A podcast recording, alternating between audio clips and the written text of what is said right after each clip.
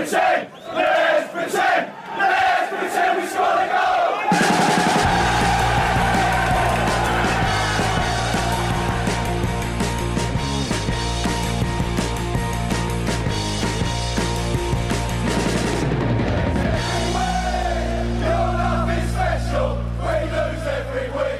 Hej och välkomna till Sportbladets Premier League-podd. Det är efter en omgång när det äntligen har försvunnit en eh, nolla. Vet ni vilken Patrik Benning och Kalle Karlsson jag pratar om? Nej, jag tror Fellaini är kvar än så länge så att nej, ingen aning. Ja, vi ska återkomma till det ämnet. Vilken börn han in med. Men Crystal. Palace har hållit nollan för första gången på hela säsongen. Ja det är roligt för Alan och pojkarna där. Räddar, Pardew-effekten. i hans kontrakt nu. Eh, nej det gör det ju inte, han sitter ju fortfarande lös såklart. Eh, det kommer vara press på honom så länge de ligger skrynkligt till i ligan och det innebär ju att de ligger där och har kontakt med nedflyttningsstrecket. Så att eh, det räddar inget kontrakt eh, för, han, för hans del nu. Däremot så ger det han lite arbetsro. Eh, och det kan de ju naturligtvis onekligen behöva.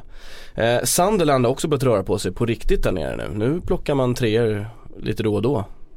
Ja, Ja. verkligen och det var ju inte någonting som vi såg komma utan tvärtom så var ju Sunderland eh, Ja, de låg ju nästan avhängt i botten i ett tidigt skede och man börjar fundera på eh, Kommer det bli ett nytt derby? Nu har de börjat vinna matcher och eh, Uppenbarligen hittat ett sätt att eh, i alla fall på ett pragmatiskt sätt eh, få med sig poäng och Anichea Bin var ju den första eh, pusselbiten som Moyes la fått lite tyngd där framme. Nu får han ju skadan på Duncan Watmore borta resten av säsongen vilket innebär eh, för Moyes del tror jag att det betyder ganska mycket för att eh, Watmore är ingen fantastisk fotbollsspelare. Jag har ju sågat honom tidigare i den här podden. Och, eller sågat, jag har hävdat att han är, han är begränsad. De är rätta kritiserat honom. Ja, jag, jag har slagit fast att han är en begränsad spelare. Men som Sunderland spelar så behöver de ju den typen av spelare som är beredda att springa och han eh, har ju såklart hjärta för den klubben och är beredd att kavla upp eh, ärmarna och, och kriga. Så att eh,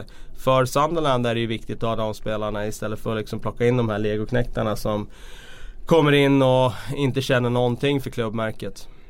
Och Sebastian Larsson tillbaks till stor skräck för alla svenska landslagssupportrar. Härligt. Eh, kroppsspråket eh, kommer att synas ute på planen igen. Ja, Ja det där, eh, vi har varit inne mycket på det där med hans kroppsspråk. Vi kanske det inte... hade varit, det behöver vi inte avhandla. vi- Men han är tillbaks rekordsnabbt, det kan man ju konstatera. Och Det var hans han. svenska landslagskamrater jublar ju på hans Instagramkonto när han la upp den här bilden. Så att han är omtyckt i svenska landslaget också. Eh, gör mycket nytta men bland supportrarna är han kanske inte någon favorit har man väl märkt de senaste åren. Nej det blir väl, eh, det kan lätt bli så när man inte riktigt eh, jobbar för att ta med sig publiken. Utan han är, det känns inte som att han riktigt fokuserar på publiken här. Mer fokuserar på domaren. snöat in på hans kroppsspråk här. Jag tycker Ja, ändå han, men- han ska försvaras för hans insatser innan EM. Tyckte han var en av de bästa. Men det har jag sagt förut så det behöver vi inte säga igen. Men eh, jag konstaterar bara att han är tillbaka så att Jan Andersson snart har ett, ett val att göra där. Ja vi var inne på det, han gjorde dessutom mål för inte så länge sedan i PL2 Alltså U23 för Sunderland så att han, eh, han är, ja det kommer nog eh, bli bra det där. Förhoppningsvis så kommer fotbollskvaliteten och frisparkarna även hjälpa Sunderland. Eh, vi, en stor match som var senast det var ju City mot Chelsea såklart. Toppmöte. City tar ledningen vilket Chelsea har drabbats av tidigare men de verkar inte bli särskilt stressade av att ligga i underläge. De är Eh, väldigt bekväma med vad de ska göra helt enkelt. Ja, eh, det var ju en eh, speciell match det där. Eh, redan på förhand var det ju den kanske mest förutsedda eh, emotsedda matchen på, på länge just för att eh, dels eh, två av Premier Leagues bästa lag men framförallt två av världens absolut mest ansedda tränare. Och Conte då som har kommit ny till den här ligan, Guardiola som har kommit ny till den här ligan och att de går head to head i en eh, ja, toppmatch snedstreck seriefinal tidigt. Eh, det är klart att det eh, var kittlande just eftersom de här tränarna också taktiskt sett är Eh, som jag ser det långt före de eh, tränarna som vi har sett i Premier League de senaste åren. Så att eh, redan där var det ju intressant. Eh, jag tycker ju att det var intressant sen när väl matchen startade också för Guardiola gör ju, tycker jag, helt rätt i den här matchen. Han går spelare för spelare mot eh, Chelsea. Liksom går, eh, ja, han spegelvänder deras formation och, och eh, liksom spelar också trebackslinje. Och siktar på att vinna en mot en duellerna runt om på planen och jag tycker att eh, taktiskt sett så, så schackspelet det klarar de ju av City eh, och Guardiola. De tycker de är bättre än vad Chelsea är de första 60 minuterna i matchen. Och, de Bruyne ska ju bara, eller är det De Bruyne? Ja, det där får vi Ja. faktiskt enas om snart. Nu var ju hela kommentater- kommentateringen, säger man så? Kommenteringen genom matchen var ju liksom De Bruyne nu. Ja, men vi säger De Bruyne då. Gör vi det? Ja, jag jag att tycker de det har låter ko- konstigt Ja, alltså. det ligger ju inte rätt i munnen men Nej. vi måste ju bestämma oss snart för nu har vi ändrat oss 8-10 gånger. Jag Ja, börjar det tröttna på det här. Men jag antar att de har kollat upp det ordentligt då som har, som har hoppat över till De Bruyne. Sen var det någon som sa att City lagt upp det själva på YouTube och då säger han De Bruyne. Så att Ja, det, här är, det här kommer ju fortgå. Ja, det kommer det Ah, Okej, men då kör vi på De Bruyne då. De Bruyne, nu kör vi på De Bruyne. Ja, De Bruyne. Eh, han ska ju såklart göra mål där och gör de 2-0 där så är det mycket som talar för att de eh, kan stänga den matchen eller i alla fall vinna den på något sätt. Nu gör han inte mål och det kommer ett eh, billigt men eh, samtidigt väldigt fint 1-1 mål av Diego Costa. Och sen tycker jag City är bättre igen och så kommer den där kontringen som betyder 2-1 och ja då blir ju liksom själva historieskrivningen av den här matchen att Conte gjorde allt rätt. Eh, han vann det taktiska slaget och han vann matchen. Och ja, det gjorde han ju. Han vann ju matchen. Det kan ingen ta ifrån han. Chelsea har ju uppenbarligen en slags eh, styrka, eh, mental styrka, eh, en ryggrad i det där laget, en stadga som gör att de vinner. Medan City faller ihop och de har ju eh, ganska stor skillnad i defensiv mellan de här lagen och det är det som faller avgörandet. Jag tycker att på det hela taget var det en fascinerande fotbollsmatch där eh, båda lagen är bra. Eh, City är bra i 60 minuter och sen är det Chelsea som ändå går hem med alla poängen. Och det säger ganska mycket om det laget. Vinner man den där typen av matcher så då kommer man med och slåss om, om titeln där framme i maj. Men vad säger du om taktiken då? För du pratar just om att Guardiola spegelvänder och skulle spela mycket man-man, vinna enskilda dueller. Det känns ju ändå som Chelsea vände matchen tack vare att Diego Costa vinner alla sina dueller. Mm. Alltså gör han inte fel när han ställer en gubbe mot Diego Costa i så många situationer? Även när han är felvänd så är det en gubbe i ryggen men han, han, han vinner ju dem också liksom. Ja, sen är det ju det där att Det är klart att vid ledning 1-0, 30 kvar så, så kan man förändra. Men hade de gjort 2-0 på det där då hade vi inte suttit och diskuterat Nej, nej, så är det liksom. så, alltså, Men det, vi det är sitter vi sitter i ju med det det facit i hand och det är väldigt, väldigt Men då ska vi eh, utnyttja tacksamt också. att göra det. Det är klart att eh, när, man vet ju aldrig vad, vad, en, vad en spelare har för typ av dag. Man vet ju inte det.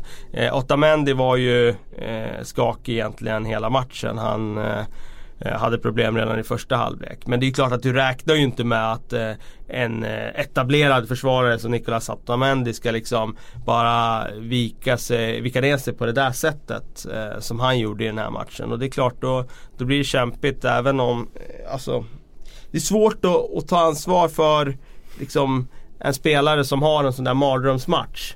Som han har i det fallet. Men det är klart att men en mot Det- en mot Diego, det är där Costa är som bäst. Absolut, men det, det är ju också så här att Allting blir ju att du måste koppla ihop allting. Sitter vi spelar med hög press, ja om du spelar med hög press och du är numerärt underläge på, på eh, alltså offensiv planhalva. Om du inte går fram med tillräckligt många, ja då kommer ju den pressen kanske inte hänga ihop. Du kanske inte vinner bollen. Ja då kommer du springa och jaga där framme. Då blir du trött där istället. Och sen kommer Chelsea att spela sig fram och kunna hålla bollen och så får du springa och jaga när du är numerärt underläge. De går ju fram nu och gör det väldigt djärvt City och verkligen kliver på och då kommer du ju lämna luckor bakåt. Det är ju det där med täcket som alltid är. Alltså du kan inte täcka dig, du kan inte skydda dig mot allt liksom. Och, Eh, han valde den här strategin. Jag tycker den var rätt eh, från början. Jag tycker de får matchen dit de vill. De är bättre än vad Chelsea är i första 60 minuterna och eh, jag kunde inte se framför mig eh, att eh, vid ställningen 1-0 där att de skulle falla ihop på det där sättet. Men samtidigt så det är uppenbarligen att det är någonting som saknas eh, rent defensivt i det här laget. Det är där de kommer jobba på att stärka upp helt enkelt. Ja, det är tve- ett fönster nu. Det är ingen tvekan om det. Alltså, nu när kompani inte verkar komma tillbaka i det skick man har hoppats på heller så de måste ju ha förstärkningar där bak. Så är det ju bara och det är klart att de kommer titta på det. En sak man kan konstatera nu ganska långt in är att eh, när Eden Hazard är tillbaks i den formen han är och möta ett Chelsea i ledning där han får yta när man pressar på. Det är fan inte roligt alltså. Han är snabb med och utan boll. Fruktansvärt med boll också. Ja men de, är, de har ju någonstans anammat det Leicester var bäst på på ett sätt. Det är klart de var ett kontringslag på många sätt innan också. Men nu känns det ännu mer som ett kontringslag, ett väldigt rörligt kontringslag. Det var Deeney som jag tyckte gjorde en intressant, han satt väl som expert i BBC tror jag. Okej. Och prata om, om Leicester, hur, vad, vad är skillnaden på att möta Leicester i år och förra året? Och då pekade han bara på Kanté, det var liksom hela skillnaden tyckte han. För förra året, du kom inte igenom mitten. Oavsett om du fick bollen i mitten och hade tid så kände du ändå att han, den här idioten kommer komma upp i ryggen när som helst. Ja. Oavsett om du hade tid eller inte så var du stressad så fort du hade bollen i mitten. Det, gick, det fanns liksom ingen lugn och ro. Och nu, och eh, nu när det känns det som, liksom, han, som han beskrev det, att Leicester spelar med en spelare mindre än de gjorde förra året. För att du, du får mycket, mycket mer tid i mitten. Och det är ju det Chelsea utnyttjat. De tog ju den viktigaste pusselbiten där, satte in i sitt lag och helt plötsligt så har du inte bara en Mahrez som kan göra offensivt utan du har en Hazard och en Diego Costa och en William och alla de kreativa talangerna som ju får mycket mer utrymme när Kanté uppenbarligen gör två gubbars jobb som Dini själv beskriver det. Så det har de gjort jäkligt smart. Sen får man väl se på lång sikt om kontringsfotboll är det som kommer ta ett eh, engelskt lag långt i Champions League igen. För det känns inte som det har varit medicinen de senaste åren för att komma långt i den turneringen. Det känns som lag har mer utvecklade intellektuella spelidéer. Eh, Men det är ju en, annan fråga. Sen sätter jag ganska stor tilltro till Conte för att om man tittar på hans Juventus så kunde de ju, de kunde ju så mycket. Mm. Alltså de kunde ju dominera matcher också. De kunde ju hålla bollen inom laget. De kunde ju spela kontringsfotboll. De kunde attackera direkt med rak boll från Pirlo eller Bonucci. De kunde, alltså de hade så många olika vapen. Jag är övertygad om att han han kommer att se till så att Chelsea har de olika vapnen också. Så det är klart, borta City, Etihad. Det är klart Ja. att det blir en matchplan där som kanske ser annorlunda ut än vad det är blir hemma på Stamford Bridge med, mot en annan motståndare. Så att, nej, jag, jag tror ju stenhårt på, på det som Conte har sjösatt här. Liksom. Det, är- det är ju någonting väldigt bra och det är en revanschsugen trupp. Där har du ju väldigt mycket. Alltså, ehm, det är ju i princip samma trupp som vann ligan 2015. Samma trupp som året efter var totalt katastrof i ligan. Och så samma trupp nu i princip. Det är någon pusselbit här och där men det är inte några större förändringar så. Eh, som nu leder ligan och som ser urstarkt ut och som ser beslutsamt ut. Som ser liksom det här är ett lag som har bestämt sig för att det där som hände i fjol det ska vi lägga bakom oss och, och ställa saker till rätta nu. Ja om, om man kollar på det som pusselbitar så det är i princip detsamma ja men den spelare som du har nämnt flera gånger som är väldigt viktig och som du tar upp nu, Kanté den betydelsen är ju, visar sig vara väldigt stor. Det syns på två sätt onekligen. Han har, betyder väldigt mycket för Chelsea nu. Och man ser ju fruktansvärt mycket betydelse för om vi ska gå till Leicester där de har plockat bort honom från. Ja, man kan De har ju helt havererat nästan känns det Ja, ja, Med det sagt så är de ju väldigt lugna i Champions League dock. Ja, så är det. Haverera och haverera är kanske ett starkt ord men, i- men i Premier League där har de, där har har de de ju havererat. två poäng Ja, ifrån och, Sämsta regerande mästaren någonsin är vi just nu efter det här antalet omgångar. Var det någon Vilket sta- säger ganska statistiker som tagit mycket. fram? Ja. Eh, för de senaste årens mästare har ju havererat en Absolut. efter en. Så att eh, ja, det säger mycket. Du säger mycket och det går väl att damma av den där gamla Linderoth-diskussionen nu igen och diskutera varför Mares får årets spelare och Kanté kanske borde haft det. Att man undervärderar den typen av spelare och sådär. Men, men det vet vi att man gör så att det är Ja. inte så mycket nyheter egentligen. Nej, det är ingen nytt under solen där. Det, det kommer alltid vara så. Det, det, det smärtar såklart att det är så men eh, det får vi nog acceptera. Ska vi prata lite Leicester här ändå? Vad, vad, hur ska de, riskerar de att åka ur till och med för de tappar så mycket? Eller är det så att de fokuserar så mycket på Champions League också? För där går det ju onekligen väldigt bra. Det Ja. känns ju som deras andningshål. Då de kan åka ut och njuta av att spela fotbollen. För det kan ju inte vara så kul att spela Premier League längre om man eh, Nej det är klart att det blir, blir en väldig press nu på dem i ligan och det är klart att eh, Champions League eh, har blivit ett andningshål men jag tror inte att eh, jag tror inte de kommer åka ur. Jag tror att de kommer hitta en period i den här ligan där de går väldigt starkt och som någonstans känner att de hittar tillbaka. Eh, men det är klart att det är problematiskt för dem och det är inte bara Kanté bort utan det är dessutom en Mahrez som är formsvag, det är en Jamie Vardy som inte gör mål. Det är ett fundament där bak med Robert Huth och Wes Morgan och, och även Schmeichel som var skadad då. Eh, men det finns ju inte heller riktigt längre. Det var ju så otroligt tätt där bak i fjol. Det var ju inte farligt när motståndarna var inne på egen planhalva. För det, var, det, var liksom, det fanns inga ytor att spela på. När inläggen kom så, så tog de alltid hand om dem. Och det, jag upplever inte att det finns den eh, eh säkerheten längre. Och det, jag hävdar det, det är små marginaler mellan topp och botten. Alltså det, är, det, det är verkligen så. Det är, du har en Vardy som är ett målstim och gör de där målen. Ja, du kanske får det där 1-0 målet då tidigt i en match och så får du spela ditt kontringsspel som de fick göra i fjol. Ja men det är ju, det är ju allt och inget för Leicester. Jämfört med i år, Mar- Vardy gör inte det där målet. Motståndarna gör istället det där målet och det, Leicester måste jaga och det är de inte bra på. Det var de inte bra på i fjol heller om de liksom skulle börja dominera matcher. Eh, den eh, dimensionen har de inte så att eh, Ja det, det, det kan vara så här år. Ibland går det bra och då är det liksom lite med flyt Mm. och spelar i form. Och då är man inne i den där goda cirkeln så då ger det, ena ger ju det andra. Bättre Leif Bork står och självförtroende. skriker efter ordet momentum här nu. Ja. Han skriker efter det. Han får skrika, Ja, den gode. Leffe. Det är rätt. Eh, jag kommer inte använda Det det, just i det här fallet. Men eh, jag pratar om ond och god cirkel. Är du inne i den goda cirkeln så faller bitarna på plats lite automatiskt skulle jag säga. Alltså bättre självförtroende och spelare, bättre prestationer. Ja, då blir det ännu enklare med allting. Eh, ond cirkel, ja då har du motsatsen istället. Ja, några andra som är inne i en eh, fruktansvärt ond cirkel är ju West Ham och frågan är hur länge kommer Slaven Bilic få vara kvar här nu? Nu känns det som att det kanske, jag tror fan han kommer ryka snart. Det är julrensning snart bland tränarna, är det inte så? Det brukar ju alltid, yxan bru- bru- brukar ju vässas här när det kommer in i december och så brukar man säga att men det är inga tränare som, eh, som sitter löst där. Nej men kommer in här till december då kan det gå jäkligt fort. Och det är också lite av den här effekten att de hakar på andra. En tränare får gå, då kan, det har ju varit så tidigare i Premier League. När väl den första får gå Ja, då kan det ju vara tre på en vecka som ryker liksom. För att då, då är det som att dammluckan har öppnats liksom. Då är det okej. Så att eh, ja, jag tror att det kan hända saker här i jultider. Det, det tror jag verkligen. Vilka- De är ju också inne i någon slags halvtid av Premier League. Även om det inte är halvtid och uppehåll så är det ju ändå halva ligan spelad och man känner att man gör någon slags halvårsrapport inför ägare och styrelse och sen säger man att eh, här hade vi inte tänkt att ligga i ligan och då kanske man vill ha en förändring. Vilka är det som sover sämst nu då? Om det ska börja Pardew- rulla Alan av folk här. Ja. Slaven Bilic, där skulle jag säga de, det är de två skulle jag säga.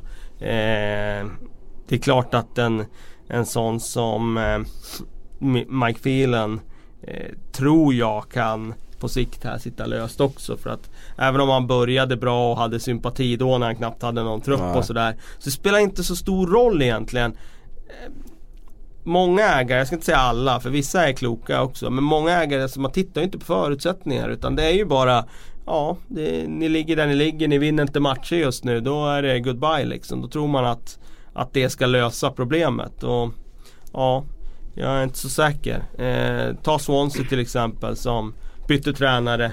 Eh, Redan snack om att Bob Bradley ska få gå också. Ja men alltså det, det, truppen är ju inte är fort tillräckligt bra. Det spelar ingen roll vem som är tränare där här och nu. Det, det kommer inte liksom vara någon Swansea som sprakar. Jag har väldigt svårt att se Big, det. Big Sam hade lyft dem. Det vet du. Ja, Det vet du. snacka om eh, att byta livsåskådning. Gå från liksom den här tiki-taka-fotbollen som man hade under Roberto Martinez och Brandon Rogers och sen eh, ska man gå till Big Sam. Det hade varit liksom den största, liksom gå från den ena ytterligheten till den andra på kort tid. Eh, det skulle i och för sig vara kul att se den kulturkrocken. Ingenting är omöjligt. Nej, vi kan inte utesluta någonting utan det är ju också så stora pengar det handlar om som alla vet med TV-avtal och sådär. Just att säkra Premier League-spel är ju så otroligt betydelsefullt ekonomiskt. Och, ja, man kan ju hamna, även om man är Swansea, de har ju liksom släppt lite på den här spanska filosofin Mm. steg för steg. Och nu har de en amerikansk tränare och ja, jag, jag ser inte liksom Swansea som något imponerande possession-lag längre när jag ser dem nu idag jämfört med vad de var för 3-4 år sedan.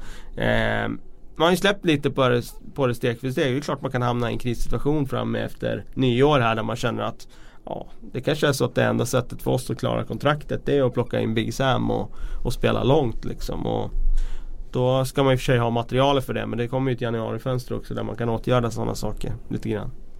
Ja det kan väl hända en del i det här januarifönstret. Vi har lite frågor om när Premier League-podden och ja, hela det här maskineriet rullar igång. Silly Season-podden menar du? Ja, jag menar Silly Season-podden.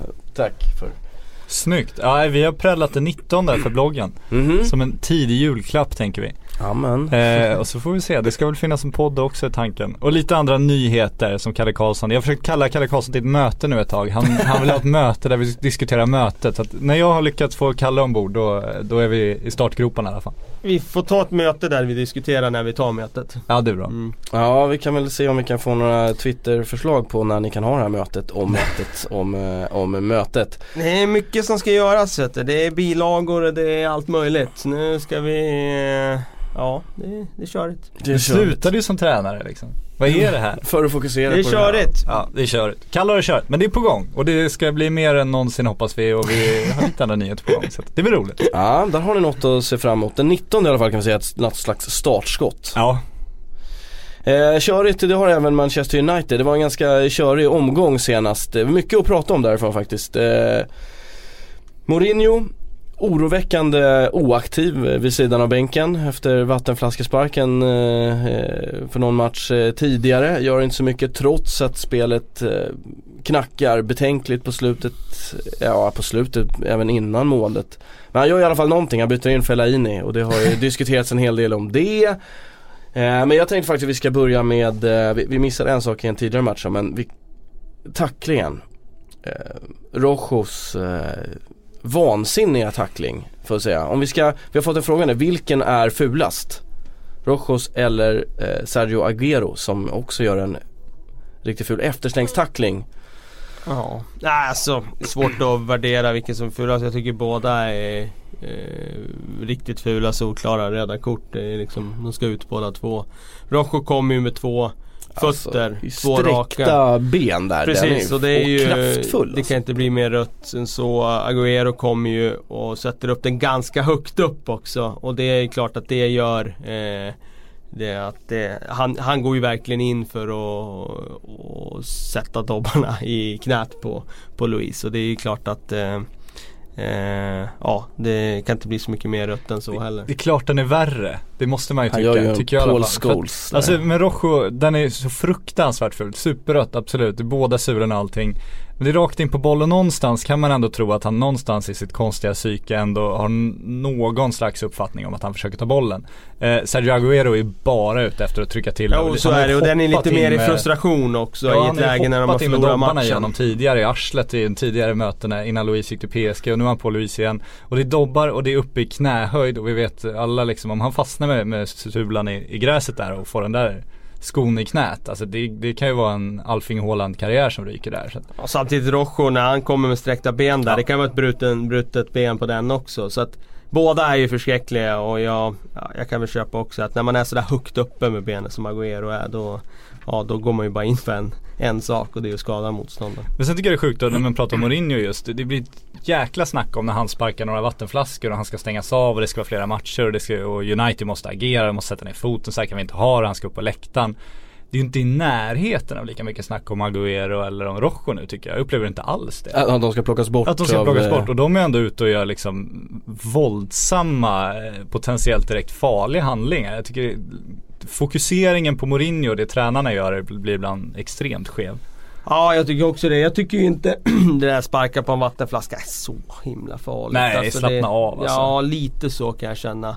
Eh, ibland blir moralpaniken lite väl stor så. Eh, eh, samtidigt tycker jag ju det är klart att de ska ha någon slags gräns för och det är viktigt också för liksom att tränarna sätter nivån för det där. För de sprider ju ändå någon slags bild till spelarna om hur man ska agera. Så ja, visst. När det gäller hans inaktivitet i den här matchen så var ju den eh, ja, baffling som man hade sagt på eh, fotbollsengelska. Det var ju otroligt. Alltså José Mourinho som tidigare i sin karriär var känd som en extremt bra matchcoach som sällan gick bort sig. Så Aldrig skulle jag säga ti- tidigare i sin tränarkarriär. Eh, Han vann inte alltid alla matcher men han gick ju aldrig bort sig i coachingen. I den här matchen så går han ju, han går ju helt vilse. Alltså han är ju inte med på banan. Det är ju som att han eh, Ja, inaktiv, det är ju väldigt snällt att säga det. Alltså, han står ju liksom eh, helt eh, apatisk vid sidan medan hans lag faller ihop på plan. Redan i minut 70 kan man ju se att laget går på knäna. De måste ha ny energi in på banan. Gör något byte för att förändra det här. Eh, annars så är det ingen slump om motståndarna kommer närmare och närmare och närmare ett mål. Visst, Phil Jones hade väl någon poäng där att ah, de skapar inte så många chanser. Nej, det gjorde de inte men Alltså Uniteds spel hade ju fallit ihop totalt. Jag tycker, jag höll inte riktigt med om att United var så dåliga hela matchen. För jag tycker att i första halvlek så har ju de väldigt bra kontroll på matchen. De spelar inte den här Eh, flödande, eh, liksom iögonfallande anfallsfotbollen med kombinationer som funkar hela världen. Men Everton hade ju absolut ingenting i första halvlek och jag menar då, då spelar ju de som United gjorde för sista 20 med att rensa bort bollen så tog United tillbaka den. Då tycker jag ändå att Uniteds höga pressspel fungerar, att de fick tillbaka bollen snabbt och de kontrollerar matchen. Sen sista 20 då är det ju som att United går på tandköttet och är nedtryckta i eget straffområde, står och rensar iväg bollen och det är ingen som har kraft för att ta tillbaka den heller. Och att han inte agerade i det läget, det var för mig var det uppseendeväckande för en så skicklig matchcoach. Eh, sen när han väl eh, gör byten då så skickar han in Fellaini och det är klart att han har kommit in i andra matcher tidigare där han har varit nyttig med sitt huvudspel och så men i det här fallet så, så blev det ju motsatt effekt. Liksom. Han kom in, fick inte använda sitt huvudspel. Eh, när han skulle slå en passning så var det föga överraskande. Eh, ingen speciellt hög kvalitet i det. Och sen orsakar han en straff som han givetvis inte ska orsaka. Det är ju en sån där situation som Du får inte ta en straffspark där. Han är ju för seg. Han, är, han hinner inte med. Han är ju som att vända med en Silja Line-färja när han vänder. Och det är klart att en Ryan Reynolds here from Mint Mobile. With the price of just about everything going up during inflation, we thought we'd bring our prices down. So to help us, we brought in a reverse auctioneer, which is apparently a thing.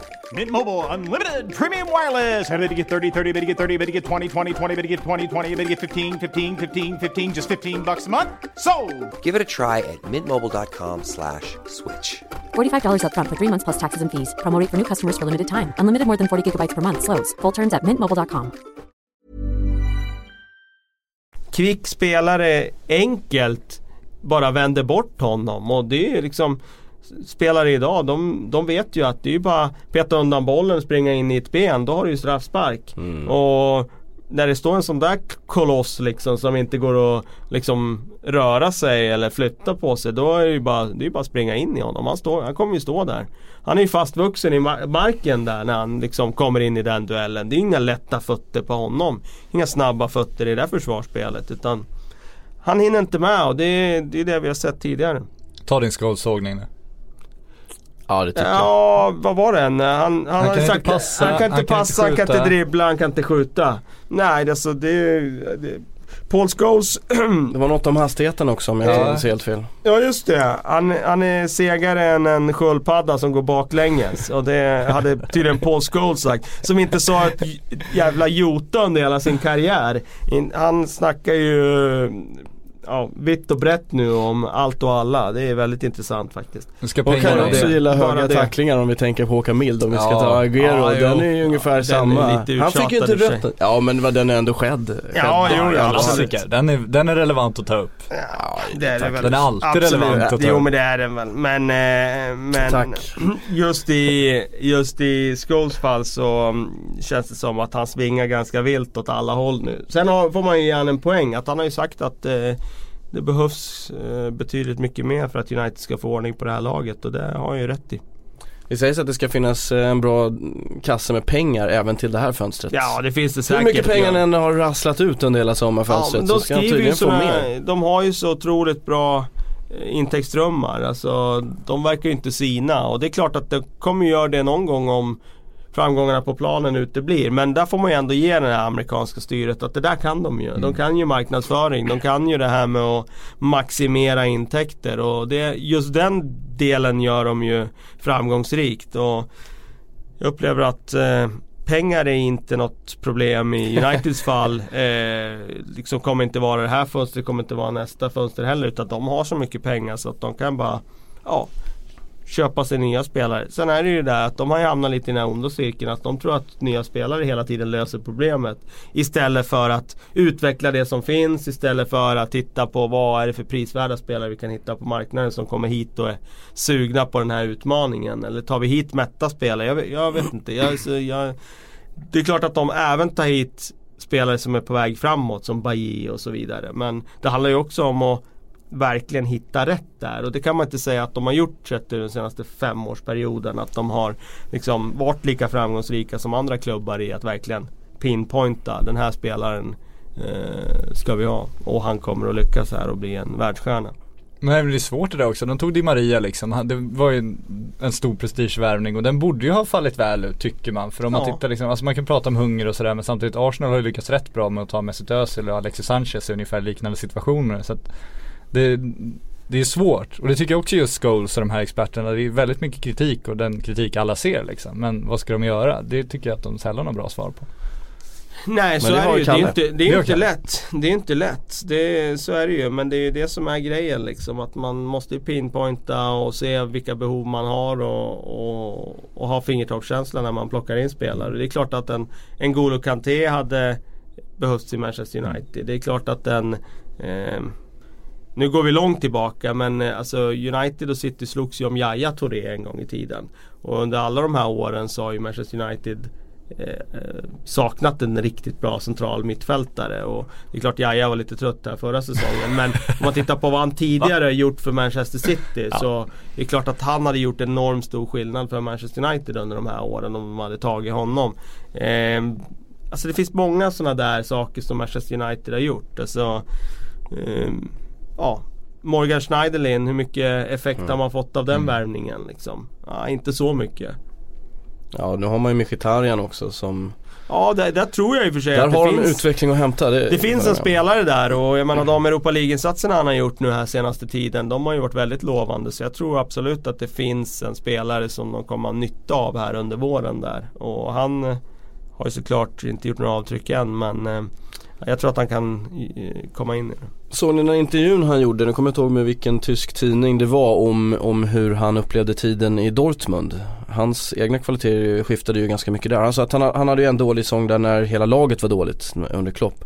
Och då sa han att eh, han kände inte riktigt det förtroendet, han kände inte att Alltså att, att han inte fick beröm hela tiden. Han behövde mycket beröm och när han inte fick det, alltså så här, att han började tveka och tvivla på sina egna kunskaper. Då blev han jätte, alltså han kände sig dålig hela den säsongen. Ja. Och sen så kommer en ny tränare och säger att jag tror på dig och då lyfte han. Och man undrar ju hur, hur ofta går Mourinho och liksom, han känns inte som den spelaren som bygg, eller den tränaren som går och liksom med Mkhitaryan, känns det bra liksom? Jag tror på du, det här kommer gå Ja, bra. jag, jag, jag tror att Mourinho var den tränaren tidigare. Man är ju liksom den här klassiska liksom, scenen som ska utspelas i Chelsea liksom, när han går in i duschen och berättar för Frank Lampard att han är den bästa spelaren i världen. Liksom, och, och liksom bara smörjde hans ego upp till eh, ja, jättehög nivå och Lampard kände själv att han växte hur mycket som helst av det. Jag tror att Mourinho var den tränaren tidigare. Jag är inte säker på att han är det idag.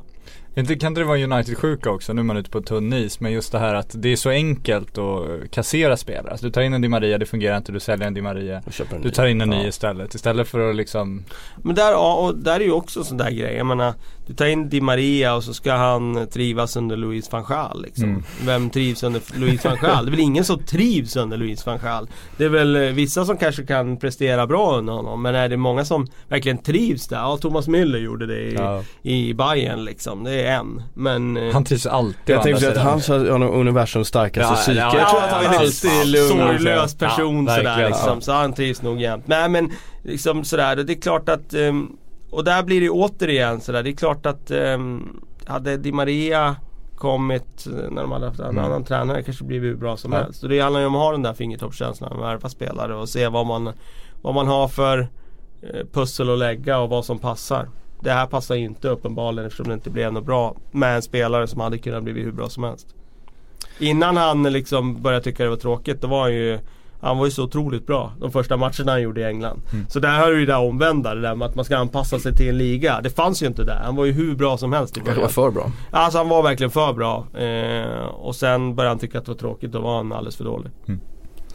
Ja, eh, Tim Andersson har skickat en fråga här på Twitter på hashtaggen Sportbladets PLP vilket ni alla är välkomna att göra. Eh, vi var inne på det alldeles nyss. Eh, är Fellaini världens sämsta fotbollsspelare?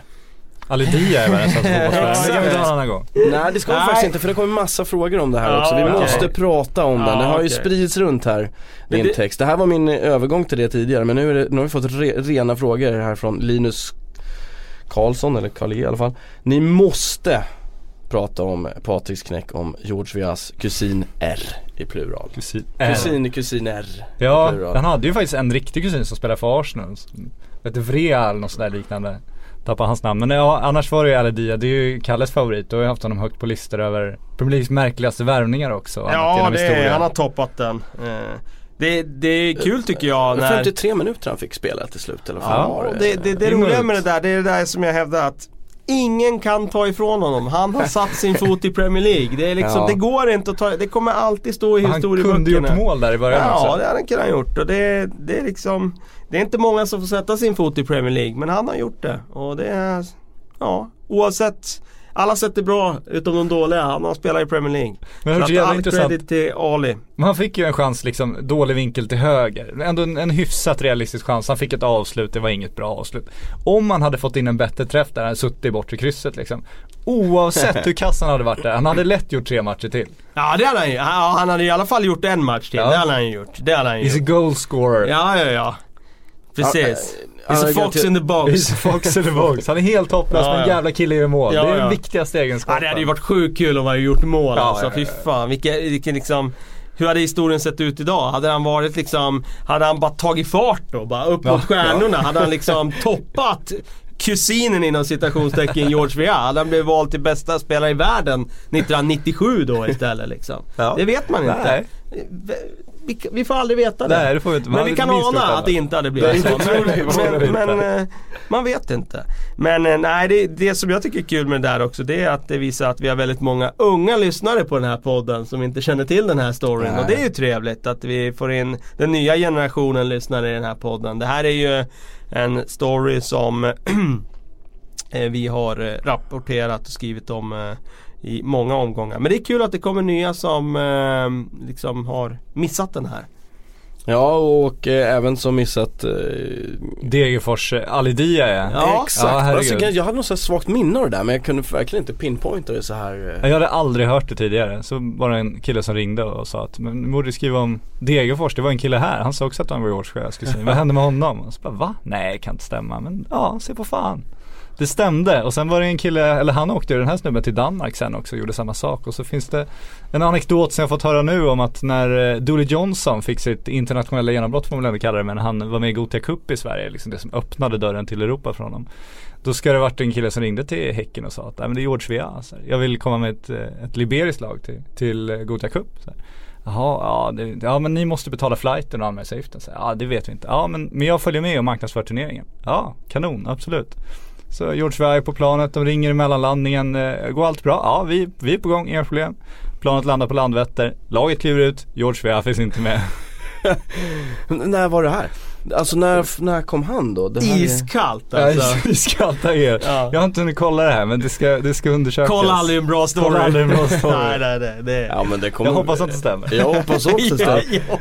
Ja. George Weah, man undrar, men alltså undrar hur många av George Weahs kusiner som är krängda runt om i Europa. undrar här om är det var ju- samma agent då, det är det som är så svårt att få svar på. Men det var ju en strategi någon eller några uppenbarligen hade och det gick ju till, det här var innan internet Det såklart var och det innan. fungerade ju. Folk Ja. knappar ju på det. Ring till krisklubb, säg att du har en svinbra spelare, ja du får ju en möjlighet liksom. Ja, så är det ju. Och ehm, det där är ju som sagt, den där, är, den där chansen är ju bortblåst idag. Ja. Eh, det, idag finns ju allting lagrat, vilka som har satt sin fot här och där. Och idag är det ju väldigt enkelt att kolla upp spelare. Det kan man göra med några knapptryckningar och så In på football manager. Ja, ja, ja precis, in på football manager.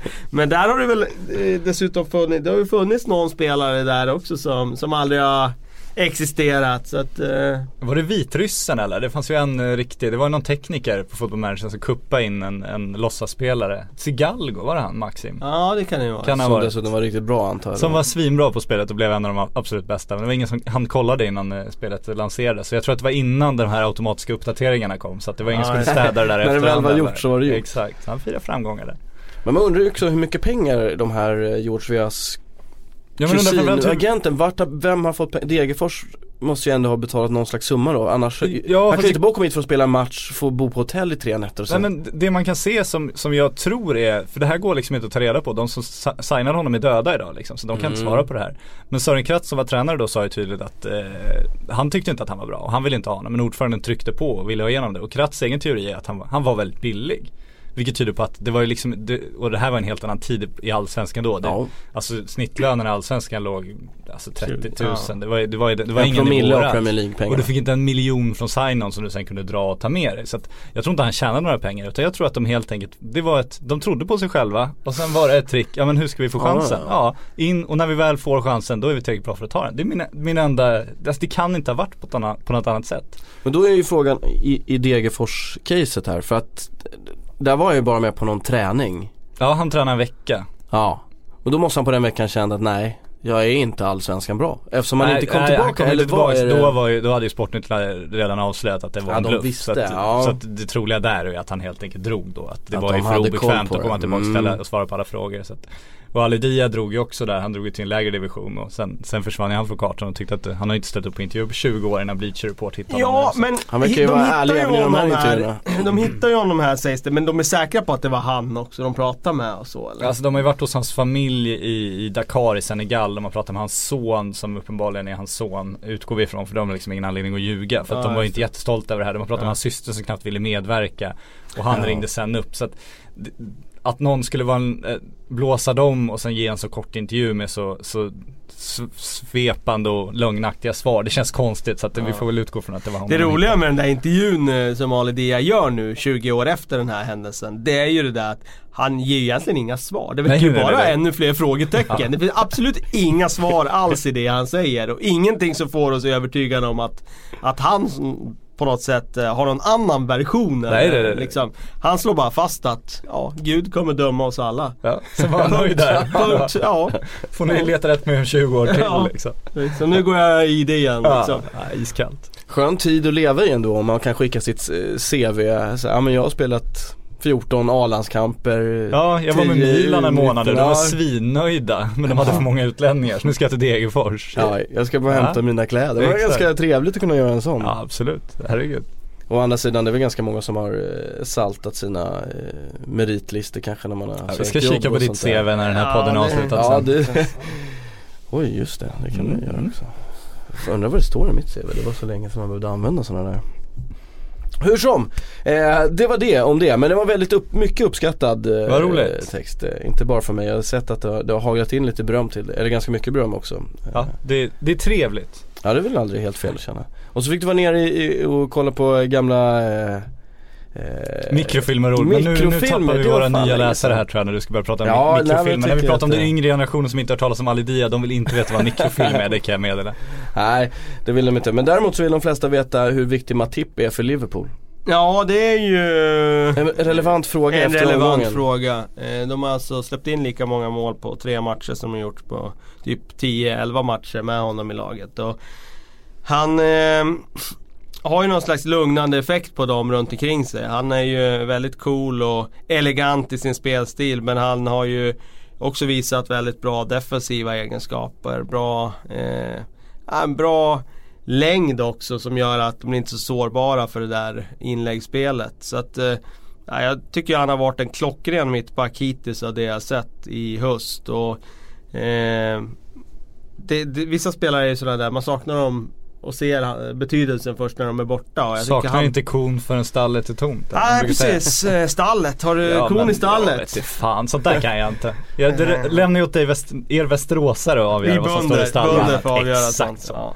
Nej men eh, det, det är ingen tvekan om att han har lämnat ett jäkla tomrum där bak för Liverpools del. Och tycker att han eh, har varit en av en av ligans absolut bästa värvningar den här säsongen hittills. Det är ingen tvekan om det. De fick göra en gratis dessutom från Schalke eftersom kontraktet hade gått ut där. Så att eh, eh, Liverpool behöver förstärka där bak. Det är ingen nyhet. De behöver ha en ny målvakt, vi pratade om det. Mm. Om de ska vinna titlar. Eh, och Karius hade ju en mardrömsmatch där borta i Bournemouth nu. Eh, underströk väl det som man har sett tidigare att ja, han är okej men han är inte mer. Eh, Carragher totalsågar ju honom. Han har inte Såklart. visat någonting i någon match enligt Carragher och det, ja jag kan inte eh, De svingar i alla fall. Ja jag kan inte protestera där hårt. heller alltså. Det, jag håller med. Han är inte har inte varit en sån där målvakt som man tycker wow liksom. Det här känns tryggt och säkert hela Men tiden. trodde du han kom som första keeper? För min känsla när värvade honom var ja men nu vill de ha lite konkurrens. De har inte hittat någon Ja, det- etta liksom. Ja men det var ju så. Alltså det, det, de fick ju inte en målvakt som man kände wow det här är, han kom rakt in och ta första slipsen liksom. Utan det var ju en som skulle komma in och kanske växa in i en sån roll. Man kände ju samtidigt så här, Mignolet har ju alltid varit ifrågasatt. Så när Karius kom in så kände jag ändå så här att ja men han kommer ju bli etta. Eh, Klopp kan ju honom från Tyskland och ja, varför ska de ta in en ny tvåa? Det är ju inte det de behöver, de behöver en ny etta. Så att eh, Ja, jag, jag anade nog att han skulle in som etta. Sen får vi se. Nu känns det som att de står bredvid varandra och är på samma våglängd ungefär. Ja det är ju inte Mignolet, det man vill ha, man vill ju ha en tydlig etta. Så är det ju. Ja, sa- samtidigt det där är ju också en intressant diskussion för det där har ju luckrats upp lite nu i den moderna fotbollen. De senaste fyra åren har vi ju sett eh, klubbar som har använt målvakter på ett sätt som inte alls har varit eh, liksom regel tidigare. Man tittar på Real Madrid liksom, som spelar Ike Casillas i Champions League Klubbspel, och, ligaspel, ja. och eh, Men det känns som de bara var tvungna att göra det. Det känns Samma med Jo. Barcelona liksom. Att, Ja, att, att men- de, de hamnar fel. Men det är ändå ett bara. nytt sätt Ja. att tänka och att man gör det fullt ut på det sättet. Och att man dessutom lyckas. För det gjorde, gjorde de ju. Casillas spelar ju hem Champions League till Real Madrid. Ter Stegen spelar hem Champions League till Barcelona. Och då tycker jag ändå det öppnade nya tankemönster över hur man eh, kan använda målvakter. För det där har inte någon klubb jobbat så utstuderat med tidigare och, och inte nått resultat på den här nivån i alla fall. AIK körde ju Dimi Jankulovski och Daniel Andersson för massa år sedan så att det en gammal beprövad taktik det Och där. vann Champions League. Ja nästan. Nej, det gick nog fullständigt åt helvete den här säsongen. Dime Jankulovski var en klassiker. Ja det var en klassiker. Vi har ju ett, ett smygarlag här i, i, i Premier League också. West Bromwich som nästan aldrig pratar om. Men har Nej. klättrat upp till sjunde plats och ser oerhört stabila ut Ja. på något sätt. Alltså de, men det är ingen som pratar om dem, de bara Börjar ju svagt ligan. tickar på Låg ju där i botten Mm. då och jag kände nog den här säsongen att inga så här sexiga värvningar och så. Jag, jag kände för egen del att de här kommer ju bli under halvan och ligga två, tre Fyra placeringar ovanför strecket där eller någonstans. Så, säker mark men ändå inte liksom eh, så. Eh, ja just nu är de inne i en jäkla bra trend. Man vet ju aldrig vad man har i Tony Pulis lag. Alltså de kan gå på den här liksom, perioden där. Nu är de glödheta. Jag tror inte att eh, vi behöver vara oroade över att de bara klättrar vidare upp mot toppen här. Eller, oroade, det vore ju såklart jättekul men jag, nej, jag kan inte se det ut. jag tror snarare att det blir så att de kommer att eh, ja, avslöjas ganska snart och sen kommer de falla ner i någon slags undre halva igen. Vad negativ jag var Ja, här mot Bromwich nu kände jag. Behöver det är såklart. Du jättekul. det är såklart där, jätteroligt Ja. att West Bromwich går bra. Eh, sen är det ju Tony Pulis lag är ju som Tony Pulis lag är. Det är ju inte, jag, kan, jag kan garantera att på The Hawthorns där hemmaarenan så är det fortfarande en delad mening om den mannen. Det är må många som står bakom honom och hälften som inte alls gillar honom för att de spelar den fotbollen de gör. Men han kommer ju alltid få resultat med sig.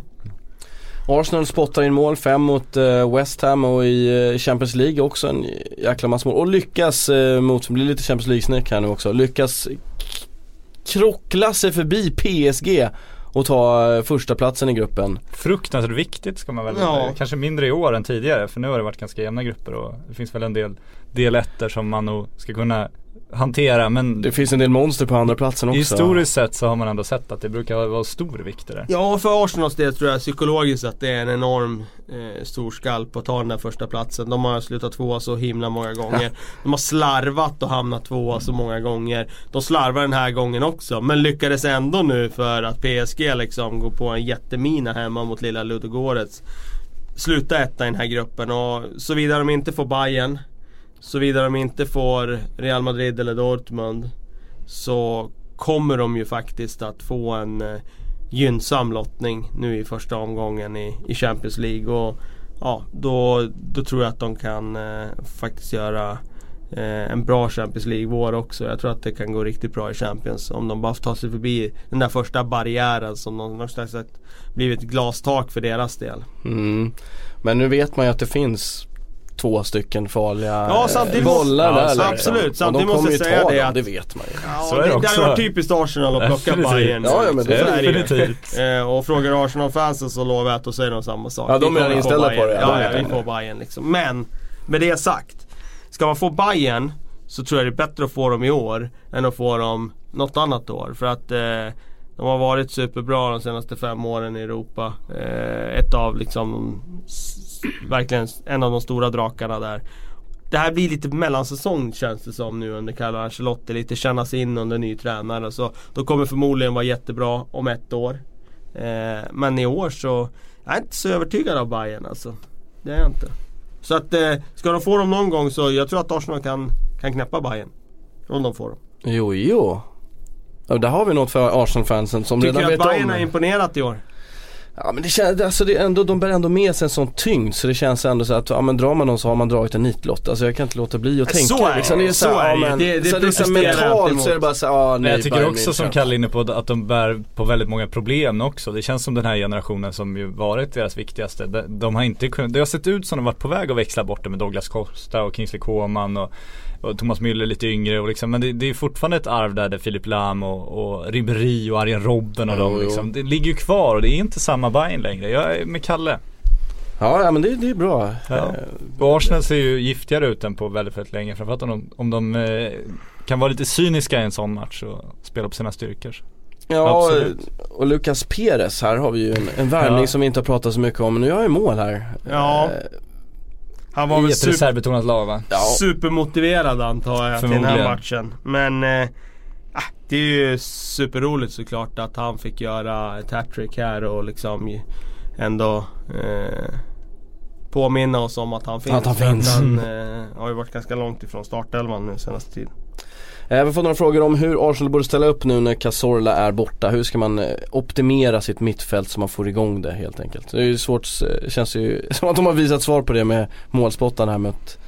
Eh, Men eh, ja, Optimera mittfältet? Ja. ja det är inte lätt. De har ju för många val där. Det, är, det blir ett pussel att lägga. Det är några skador snart så har det lagt sig själv. Jo men så är det ju. Så är det ju alltid Mm. nästan. Eh, jag, jag kan inte säga att det, det finns ett sätt att optimera eh, rent generellt. Jag tror att man får titta på vad det är för typ av motståndare man har och vad det är för typ av matchbild man vill att det ska bli och matchplan man har lagt. Jag tycker inte Granit Xhaka har växt in i det än. Eh, jag skulle vilja se honom på sikt där men idag så tycker jag nog inte det är han. Jag tycker det är Coquelin på en defensiv roll. Jag tycker det är ehm, Tycker nog att det är Ramsey bredvid honom och då är det nog lite en sån här nostalgisk bild jag har av att Ramsey ska komma tillbaka till den där formen han var i eh, tidigare. Och jag vet vad han kan och han har ju så fin motor när han väl kan pumpa upp och ner. Och sen en Özil i en nummer 10 roll men eh, som sagt det finns ganska mycket beslut att ta där som handlar om dagsform och annat också ja det är, ja så är det ju alltid. Men de har ju tappat lite sen Cazorla försvann. Det får Ja, man ju så konstatera. Är. Eh, Mer än vad jag trodde faktiskt. Trodde de skulle kunna styra upp det där. Eh, från Arsenals sida. Eller från Wengers sida men det har inte det lyckats med. Eh, stort tack för att ni har lyssnat. Jag tänkte eh, rappa ihop den här helt enkelt. Patrik, tack för att du var med. Kalle, tack för att du var med som vanligt. Och vi hörs igen nästa vecka.